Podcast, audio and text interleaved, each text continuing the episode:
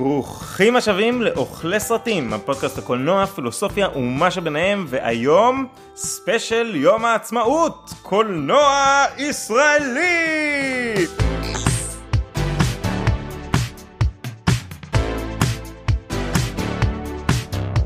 אז אנחנו אוכלי סרטים, וכמו בכל שבוע ניקח או נושא או סרט ונפרק אותו ברמה קולנועית, עשייתית ופילוסופית. אני ליעד הרמן, יזם וחולה קולנוע, ואיתי באולפן... ניתאי דגן, תסריטאי, במאי וישראלי מלידה. ואיתנו... ארנון רוזנטל, שחקן בתיאטרון חיפה, דוקטורט בפילוסופיה, ובן אדם. איך אנחנו עושים פרק על קולנוע ישראלי? איך אנחנו תופסים 75 שנות קולנוע, to say the least, ב... לא יודע, איזשהו שיחת חולין לפני המלצות שכזו. אה, תשמע, יש הרבה על מה לדבר, אבל אה, יש גם נורא מעט על מה לדבר.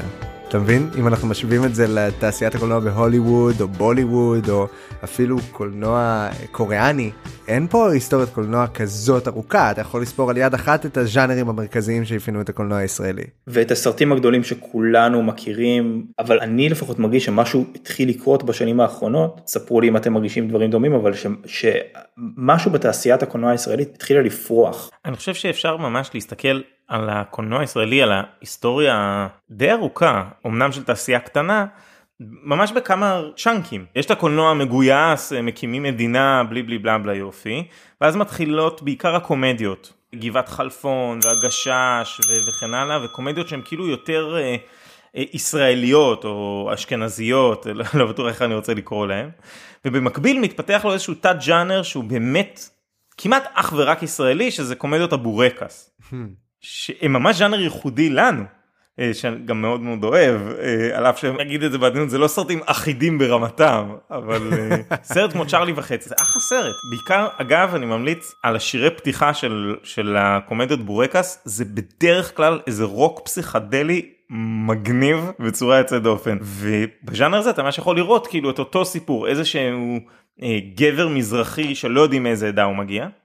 נפגש בנערה אשכנזייה שאנחנו לא יודעים איזה עדה היא מגיעה, בליל אשכנזיות ובליל מזרחיות כזאת והמתח שביניהם שכאילו בא לידי ביטוי אך ורק בתוך הקומדיות המאוד זולות האלה שזה כן דפוס שקורה במדינות אחרות בין אם זה בהודו או בדרום אמריקה אבל זה פשוט מדגיש את החוזקה של קולנוע כמספר סיפורים מקומי שנוגע בנקודות ספציפיות בישראליות אם נרצה או בקהילה שבה הוא נוצר כאילו כי קולנוע אמרנו את זה הרבה פעמים הוא לא נוצר בוואקום. הוא לא נוצר בוואקום וגם אני אגיד שדווקא הקומדיות בורקס עם כמה שאנחנו אוהבים להסתכל עליהם כאה סרטים עממיים אולי אפילו טיפשים וכל הדברים האלה הם פיצחו את ה-DNA הישראלי באופן מאוד מאוד מובהק.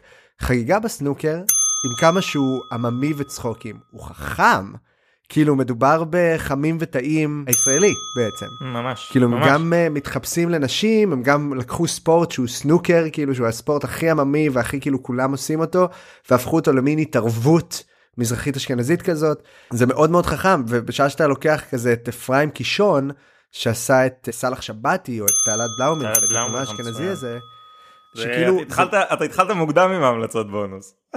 אה, לא, לא שמתי לב בכלל אבל אבל אם אתה באמת אה, לוקח את הקולנוע שלו אז אתה אומר אוקיי זה קולנוע שהוא כאילו מתוחכם אתה יודע סאלח שבתי הסרט הכי מוכר עד אפס ביחס אנוש כל הדברים האלה אה, אבל בסופו של דבר אתה מסתכל עליו עם משקפיים של 2021 סרט אה, בעייתי וגזעני כאילו סאלח עם כמה שהוא דמות איקונית הוא קריקטורה מוגזמת של המזרחי בשעה שסרטי בורקס עושים את זה דווקא מיילד הדמויות עמוקות מעניינות אוכלות מלא מלא ביצים ברצף כאילו אתה יודע יש על מה לדבר.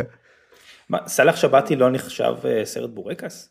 לא. סרט בורקס כאילו אם אתה מנתח אותו כז'אנר מה שיצא לי פעם לעשות באחד מהבתי ספר קולנוע וזה היה ממש מגניב. קודם כל זה ממש אה, מעין אה, שווה ערך לקומדיות הקרסון הצרפתיות כאילו והמוטיבים הם לא רק מזרחי ואשכנזי אלא יש לך ממש חוקים לז'אנר.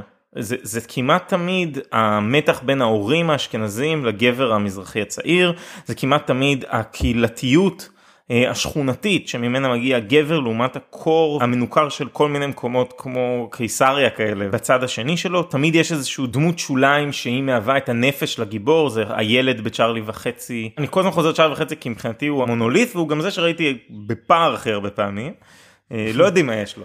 הוא בבית חולים והסרטים האלה לא רק מצוטטים וכיף לראות אותם שוב ושוב אלא באמת יש להם איזשהו איזשהו תמה כמעט שזורה בה וסאלח הוא, הוא סרט מסוג אחר סאלח הוא גם הרבה יותר פוליטי הוא גם הרבה יותר ספציפי זה לא כזה מעין אה, ארכיטיפים והוא גם לא נעשה באיזה מעין חתרנות כזאת של תראו אנחנו פה אלא בדיוק הפוך תראו הם פה. זהו וזה, וגם uh, באמת הוא נעשה על ידי uh, תסריטאי במאי אשכנזי שאומר בוא נראה לכם איך אתם מסתכלים על המזרחי שזה כשלעצמו אתה יודע יש זה כמו להגיד במאי לבן מביים סרט על שחורים. Green Book לדוגמה האם מותר לו לעשות את זה אם זה politically correct אבל בעצם הוא מוציא את קולם של השחורים כאילו מעניין. ואני חושב ש- שהקולנוע הישראלי עבר shift מאוד גדול ב... אה, לא דיברנו על מלא סרטים לא נורא. אלכס חולה אהבה. אבל אה, הוא עבר shift מאוד גדול לדעתי עם גל חדש של בימאים. שהתחיל באסי דיין והחיים על פי אגפה והגיע לכדי איזשהו רגע קריטי ב- בסרטים כמו כנפיים שבורות או כל מיני כאלה, על סרטי פסטיבלים. התעשייה המקומית התחילה לנכס את העובדה שאין לה כסף ואין לה תקציב ואין לזה כדי לייצר סרטים שהם הרבה יותר down to earth. מי שהתחיל את הדבר הזה היה אורי זוהר דווקא, שעשה שלאגרים על ימין ועל שמאל, ופתאום בשנת 67 הוא עושה סרט שנקרא שלושה ימים וילד, ומזכה את uh, עודד קוטלר בפרס השחקן הטוב ביותר בפסטיבל כאן. ומוכיח שהוא כפילמקר יכול לעשות סרט שאשכרה מועמד בפסטיבל כאן סרט שקט מאורהר ממש טוב. ממש טוב. uh, ומאוד לא אורי זוהרי במהות שלו. הוא זה שהתניע את העניין הזה של uh, סרטי פסטיבלים בארץ. לצערי החלק הכי מרכזי בזה זה הסכסוך. כאילו נהיה לנו איזה ז'אנר סרטי סכסוך שמצד אחד אי אפשר להתעלם ממנו אנחנו חיים בסכסוך. אנחנו נולדנו לתוך זה חלקנו נמות לתוך זה בתקווה הוא יסתיים כמה שיותר מהר כמובן אבל זה חלק משמעותי בחיי היום יום הישראלים מעבר לתרבות הכל ישראלית הסרטים האלה לא ראו ערבים. אז פתאום זה נהיה הכלי להכניס אותך לפסטיבל ונציה או להכניס אותך לאוסקר. אה, וחווינו איזה מעין פוש מאוד גדול של סרטי פסטיבלים שהוביל את השם של הקולנוע הישראלי לקבל במה בעולם וזה הוביל גם לבקלש מאוד גדול מצד המדינה כמו שדיברנו קצת בפרק על סרטים זרים עם פוקסטרוט. וזה שהממשלה פתאום לא כל כך אוהבת את הדרך שבה כל קולנוען וקולנוען תופס את הסכסוך, חלקם תופסים אותו ככה ואחרת. ואיך סרט כמו לבנון או בופור הוא סרט טוב ופוקסטרוט הוא סרט רע. והיום, ופה ניתאי בתור יוצר קולנוע ישראלי שחי ונושם את התעשייה הייתי שמח לשמוע קצת יותר, הגענו לאיזושהי סיטואציה שבה הקולנוע הישראלי קצת אבוד, כי מצד אחד הוא מנסה לייצר איזה שהם אה, דרמות וקומדיות אה, דור המילניאל, דור הזיק האלה חובקות עולם. על זיונים וחיים אורבניים mm-hmm. ומצד שני הוא נרתע מאוד מהרבה דברים שעד היום הפכו את הקולנוע הישראלי להיות פשוט ישראלי. אם בשנים האחרונות הקולנוע הישראלי באמת התחלק לסרטים אומנותיים ולסרטי קיץ, קומדיות קיץ סטייל איביזה ודברים uh, כאלה, פתאום יצא מצב שסרטים שוחררו uh, סרט שניים ישראליים בחודש, שזה מלא יחסית לתעשייה עד עכשיו. ואז פתאום בקורונה קרה מצב שאי אפשר היה לשחרר סרטים כי לא היו בתי קולנוע. ועכשיו אנחנו נמצאים במצב שיש 30 סרטים ישראליים מוכנים שלא שוחררו מה שאומר שגם אם אנחנו אה, נוציא סרט שניים בחודש עכשיו אנחנו נצטרך כמה וכמה שנים כדי לראות אותם ולהכניס כסף לבתי קולנוע שוב. חברות ההפצה צריכות לשחרר את כל הסרטים ואז הקרנות צריכות לצאת לצילומים עם כל הסרטים שלא יצאו ורק אז יהיה מקום בכלל לסרטים חדשים שיבואו וייכנסו וימשיכו את התעשייה שהייתה עד עכשיו. אז אני בתור יוצר קולנוע מתחיל לחשוב אוקיי אז מה אני עושה עם הסרט שאני מגיש לקרן בהגשה הקרובה אולי בכלל הוא צריך להיות משהו שיעקוף איכשהו את צוואר הבקבוק שאנחנו נמצאים בו עכשיו בתעשייה. זה ממש פקק תנועה אומנותי זה מה שאתה מתאר.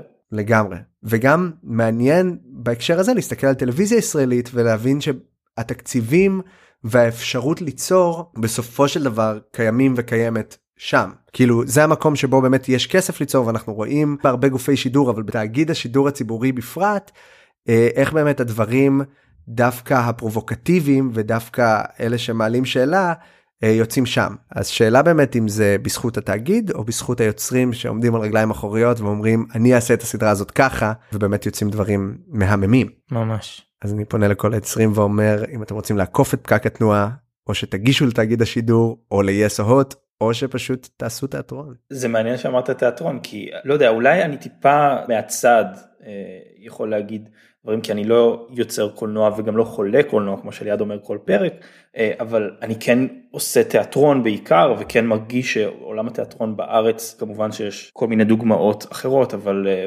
באופן כללי אני מרגיש שהוא נשאר מאחור ברמת הדרכים שבהן אנחנו עושים תיאטרון חושבים על תיאטרון.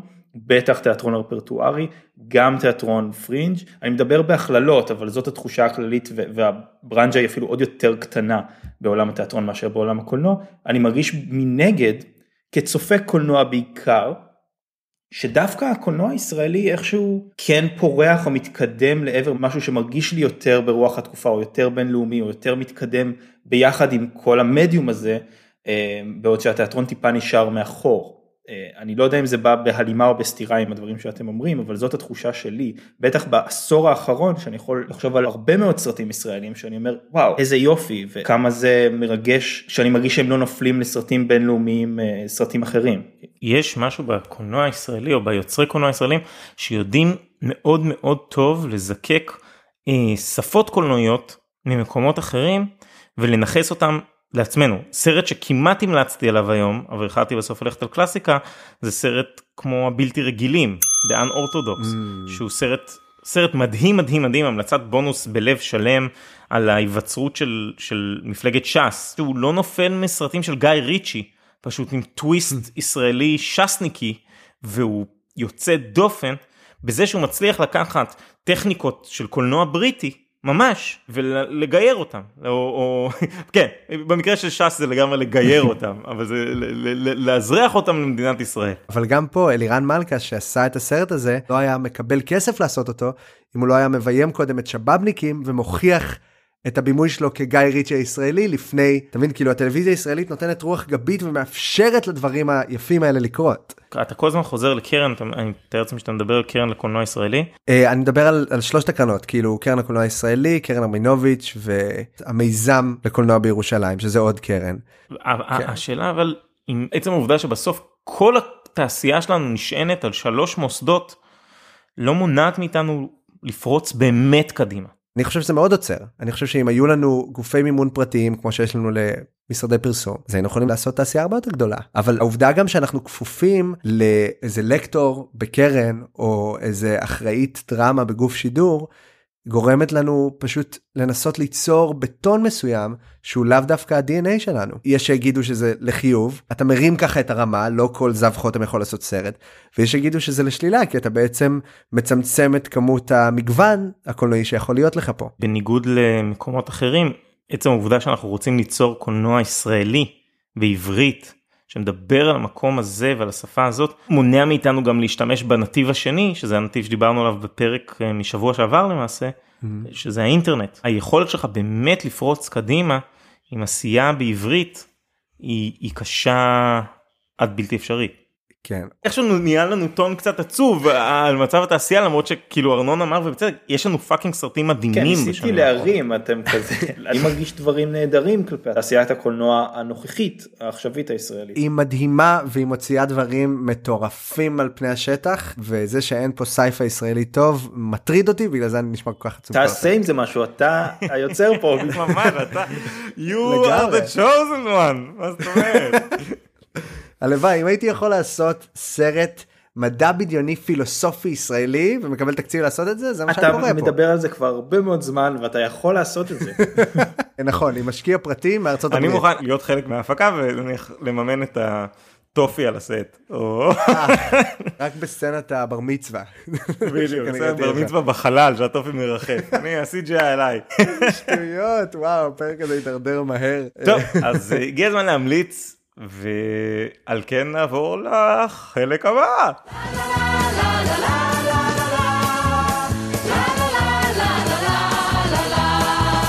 אז החוקים הם כדלקמן, כל אחד מאיתנו ימליץ על סרט שהאחרים לא יודעים שהוא הולך להמליץ עליו, ואנחנו הולכים לדרג את ההמלצות אחד של השני, איך נדרג הפעם? אממ.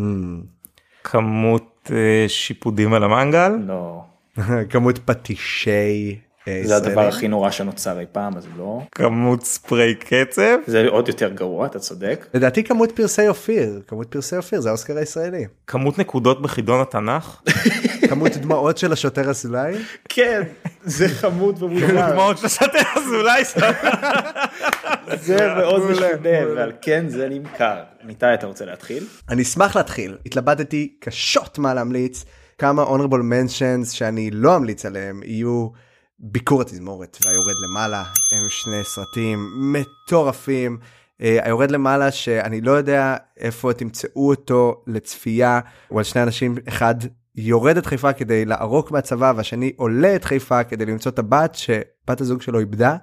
והוא סרט נוסטלגי ומדהים ויצא לי לשחק שם בשוט אחד אבל למי לא בתעשייה הישראלית כי כל סצנה עם שחקנים אחרים וזה פשוט אה, סרט מהמם ופילוסופי ומאוהר ומזכיר סרטים של תאו אנגלופולוס סליחה זה היה סרט בונוס אני מצטער נזיז את זה מהפרק אבל סרט שאני אמליץ אתה עליו מקבל עין יבשה על הדבר הזה.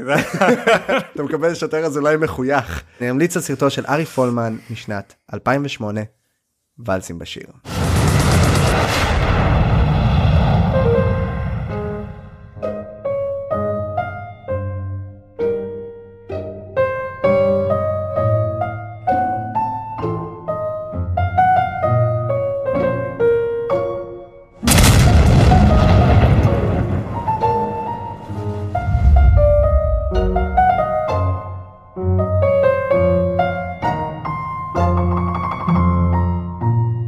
ואלס עם בשיר מתאר את סיפורו של ארי פולמן הבמאי בעודו מנסה להיזכר מה קרה בצבא שלו. עכשיו הוא הולך ומראיין אנשים שונים ובעודו עושה את זה בגלל שהסרט אה, מצויר באנימציה אנחנו רואים אותו הולך ומאבד שפיות ואנחנו מאבדים איתו לבליל שהוא בין זיכרונות למציאות מה שהיה או לא היה שם וזה פשוט יצירה מטורפת. masterpiece. אני ממש ממליץ בחום למי שעוד לא ראה לרוץ לראות את זה ודוד פולונסקי המאייר שאייר את הסרט עושה עבודה מטורפת והוא עבד עם פולמן גם על הסרט שהוא עומד להוציא על אנה פרנק וככה על הדרך כשהם אה, בונים את הקונספט לסרט הם הוציאו רומן גרפי על חייה של אנה פרנק ביחד שלדעתי אמנם הוא לא קשור בשום תמה או נושא לסרט זה פשוט אה, מוצר משלים כי הם ממש מרגישים שם את אותו טון בשתי היצירות האלה ועופו על החיים שלכם וטוסו לראות את הסרט הזה. הוא לא מאכזב והוא רק מרגש ומדהים לצפייה. שמע, זאת המלצה כל כך קנונית שלא ידעתי שזה בכלל חוקי להביא המלצות כאלה לפרק הזה היום.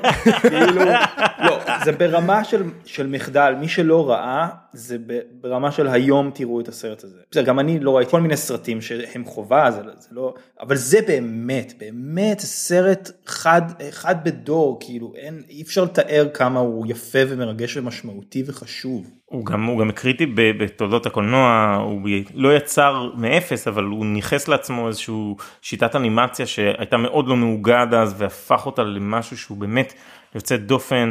הוא מסמך מצד אחד דוקומנטרי מצד שני דרמטי מרגש ומדהים.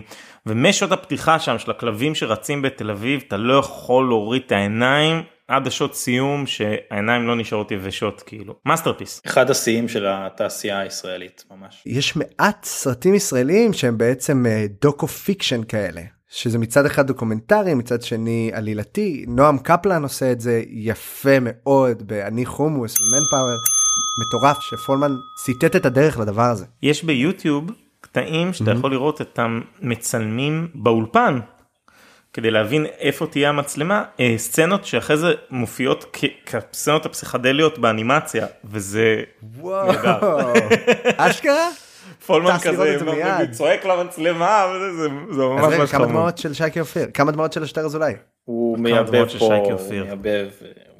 הוא מייבב מייבב הוא- טועם מלח מרוב שהוא בכה שם. אה? שוחה בתוך הדמעות שלו הוא שוחה. כן הוא שוחה אין ספק שהוא שוחה בדמות שלו ואז הם נהיות שמש ואז הם נהיות אה, ו- ולצלילי זאב טנא. הוא רוקד ואלסים בשיר בעודו בוכה. סבבה סגור. כן. טוב אז יאללה מי ממליץ מי הבא בתור. אני אשמח להמליץ. כמו ניתאי גם גם לי היה קשה שלא להגיע לכאן עם עוד איזה מילה אחת או איזה שם אחד אז אני אפילו אגיד שני שמות אה, אחד זה הערת שוליים זה honorable mention אשכרה. שפשוט אה, איזה סרט. כן סרט מצוין. אתם יודעים אני אני גם טיפה בעולם האקדמיה אני לא אכנס לתוכו כמו שני הפרופסורים האלו בסרט הזה אבל זה סרט שהוא חובה והוא מרהיב ועוד דבר אחד שנורא חשוב לי להגיד דווקא על יוצר עכשווי מאוד יונה רוזנקייר מהמם. שווה לעקוב אחרי הבן אדם הזה. מדהים. הוציא כל מיני סרטים קצרים אחד מהם קוראים לו פרפרים שהפיל אותי לרצפה. בחמש דקות הצליח לגרום לי אה, להתרגש ולבכות. עד כלות. פשוט נראה לי שזה קול סופר מעניין בתעשייה העכשווית ושווה לכם לעקוב אחריו. ועכשיו להמלצה. בעצם מחווה לאחת היוצרות הכי מדהימות אולי שחקנית הקולנוע הגדולה ביותר אה, הישראלית שאני אה, לפ- לפחות לפי דעתי אתם יכולים לנחש מי זאת רונית אלקבץ? יפה מאוד. יס! כן אז גם הבחירה שלי קנונית אה, סרטם של רונית אלקבץ ושלומי אלקבץ גט המשפט של ויvian אמסלם. תהי את מקומך, אישה. הוא שונא אותי. הוא שונא אותי, כבוד הרב. כל מה שהוא רוצה עכשיו זה רק לראות שלא יהיה לי טוב בהמשך. עד שלא יראה אותי מרוסקת על ארבע, הוא לא יירגע. וגם אז לא יספיק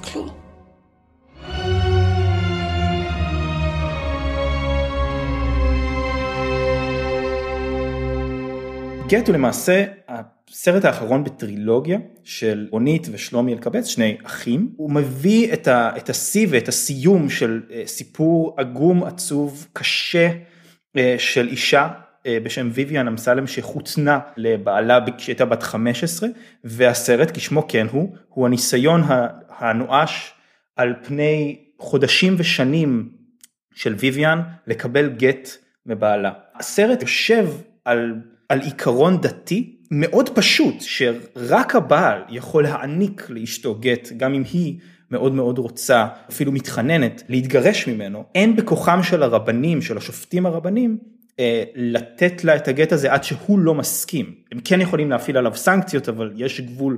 והסרט הזה הוא מסע בירוקרטי דתי משפטי אה, מטלטל ומתסכל שאגב הוא, זאת המלצה שהיא נורא רלוונטית גם לפ, רלוונטית לפרק שעשינו על one location אשכרה. כי כל הסרט הזה מתנהל בבית המשפט הרבני כל סצנה היא לרוב קפיצה של כמה חודשים קדימה וזה הסרט האחרון שהיא עשתה היא בעצם נפטרה לפני חמש שנים בדיוק השבוע וואו. באפריל 2016 וזאת אבדה גדולה לתעשייה שלנו וגם עצם הקיום שלה הוא מתנה ענקית וההופעה שלה שם היא אחת המרהיבות שראיתי של שחקנית ישראלית ורוצו לראות את הסרט הזה. מדהים. כן סרט מדהים. עם כל הנושא הכבד של הסרט ועם כל העומק שלו אפשר לשכוח שמדובר בסרט פיוטי לחלוטין. כאילו אתה רואה אותו ואתה נשאב למסך כמעט מרחף בתוך האולם הזה ומצליחים לעשות שם משהו שהוא גם כבד וגם נורא נורא רוחני בעיניי. הוא נוגע במה שדיברנו עליו קצת בסרטים זרים זה סרט שיכול היה להתקיים רק בישראל. בדיוק. לגמרי. משהו בבית הדין הרבני המיקום הזה בתוך החברה שבה הוא קיים יש בו שורש ישראליות כזאת שאתה לא תמצא בקולנוע ממקום אחר. לגמרי. חד משמעית והופעה לא נורמלית של ששון גבאי ומנשה נוי שמביאים עוד כל כך הרבה צבעים לתוך הסרט הזה שהם לא רק כבדים ששון גבאי זכה גם באיזה פרס על התפקיד שלו שהוא פשוט שובה לב ובאמת פשוט סרט ענק. אני חושב ש... שייקה אופיר אה, טבע בדמעות שלו אחרי שתי האמנתי. ההמלצות האלה. לא, לא. השוטר אזולאי ממש בוכה כמו בשוט שלו בשוטר אזולאי. אתה ממש. אני אלך לקלאסיקה המלצנו על המון המון סרטים אז אני אחרוג ממנהגי ולא אכניס המלצות בונוס ויחתוך ישר לעיקר. מטורף בעיניי. סרטו של אורי זוהר משנת 1974 עיניים גדולות. עיניים גדולות רוצה הרבה, תמיד הכי הרבה רק עוד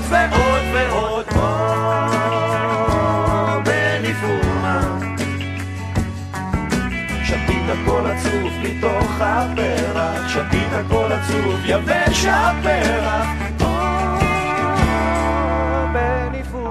עיניים גדולות הוא סרט שחור לבן הטייק של אורי זוהר על הגל החדש הצרפתי והוא חשוב בעיניי בשלוש רמות. אחד, הוא סרט מהמם. שתיים, הוא היצירה הכי אוטוביוגרפית של אחד היוצרי קולנוע הכי חשובים שהיו לנו. אורי זוהר למעשה מייצר סרט על עצמו.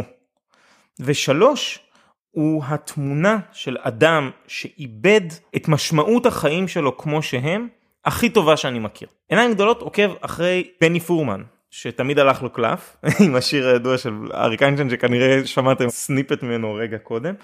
בני פורמן הוא מאמן כדורסל של מכבי תל אביב, נשוי, ילדים, הוא מרכז החיים של כל האנשים שסובבים אותו.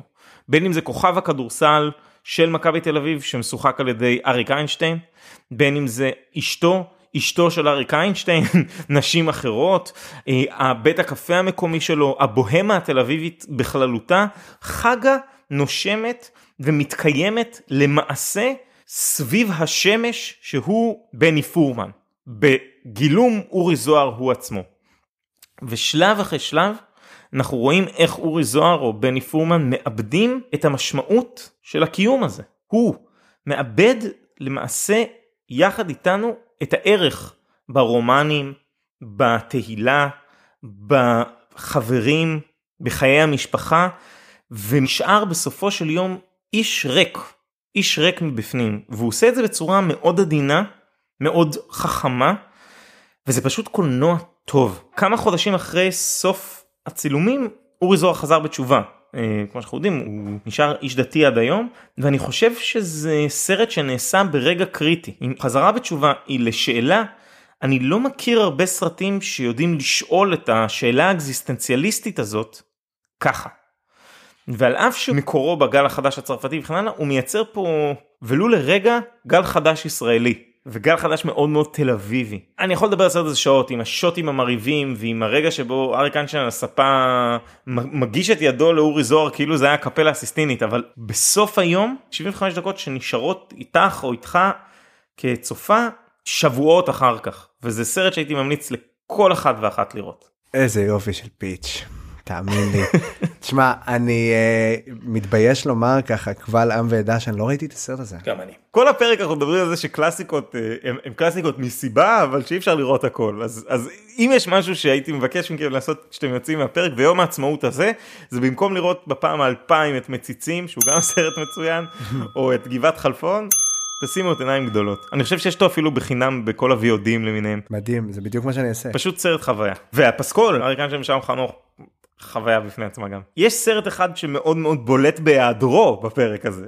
הסרט שמכר הכי הרבה כרטיסים בקולנוע הישראלי אי פעם אז אני חושב שאולי כדאי שנספר להם שהסיבה שלא דיברנו על אפס ביחסי אנוש זה כי אנחנו הולכים להקדיש לו פרק שלם ובתקווה תהיה בו גם אורחת מיוחדת. אני חושב ש... שאכלנו את הקולנוע הישראלי לפחות ליום העצמאות הזה. לפחות לעת עתה. כן יש עוד פשוט מגילות להגיד אבל אנחנו לא יכולים לאכול הכל בבת אחת. אה, ואני מרגיש שזה שאכלנו ושייקה אופיר פה על הרצפה. נכון. אה נכון לא דירגתם לי את ה- את הוא עיניים בוכה בוא גדולות. נגיד שהוא בוא מאוד. זה עיניים גדולות זה לא. דמעות כאלה. כן, זה, אתה קיבלת דמעות תנין של, אה, השוטר אזולאי. זה לא יפה להגיד אבל בסדר. ובאמת מי שרוצה להעמיק בקולנוע הישראלי ולדעת יותר אז יש סדרה מדהימה שנקראת חגיגה לעיניים שתופרת את כל הבמאים הכי גדולים של הקולנוע הישראלי בכל פרקיה. אז אם אתם רוצים להעמיק ולצלול לשם תלכו כמה שיותר מהר. אנחנו יכולים לסגור את הנושא הזה לפחות עד יום הקולנוע הישראלי שבו כולנו נצא עם עשרה שקלים לקולנוע. זה מה שאני חושב. אז אה, גבירותיי ורבותיי אנחנו היינו אנחנו ואתם הייתם אתם. שיהיה לכולנו חג שמח יום עצמאות נהדר. הייתה לנו חר השנה מותר לנו לחגוג. אני הייתי ליעד הרמן ואיתי היו באולפן. ניתאי דגן! וארנון רוזנטל תודה לרן על הפיקוח הטכני רן רייטן תודה ליובל קורן על העריכה באופן כללי תודה לכן ולכם המאזינים. לא לא לא לא. כבודכן, היא לא אוהבת אותו יותר. אין עילה.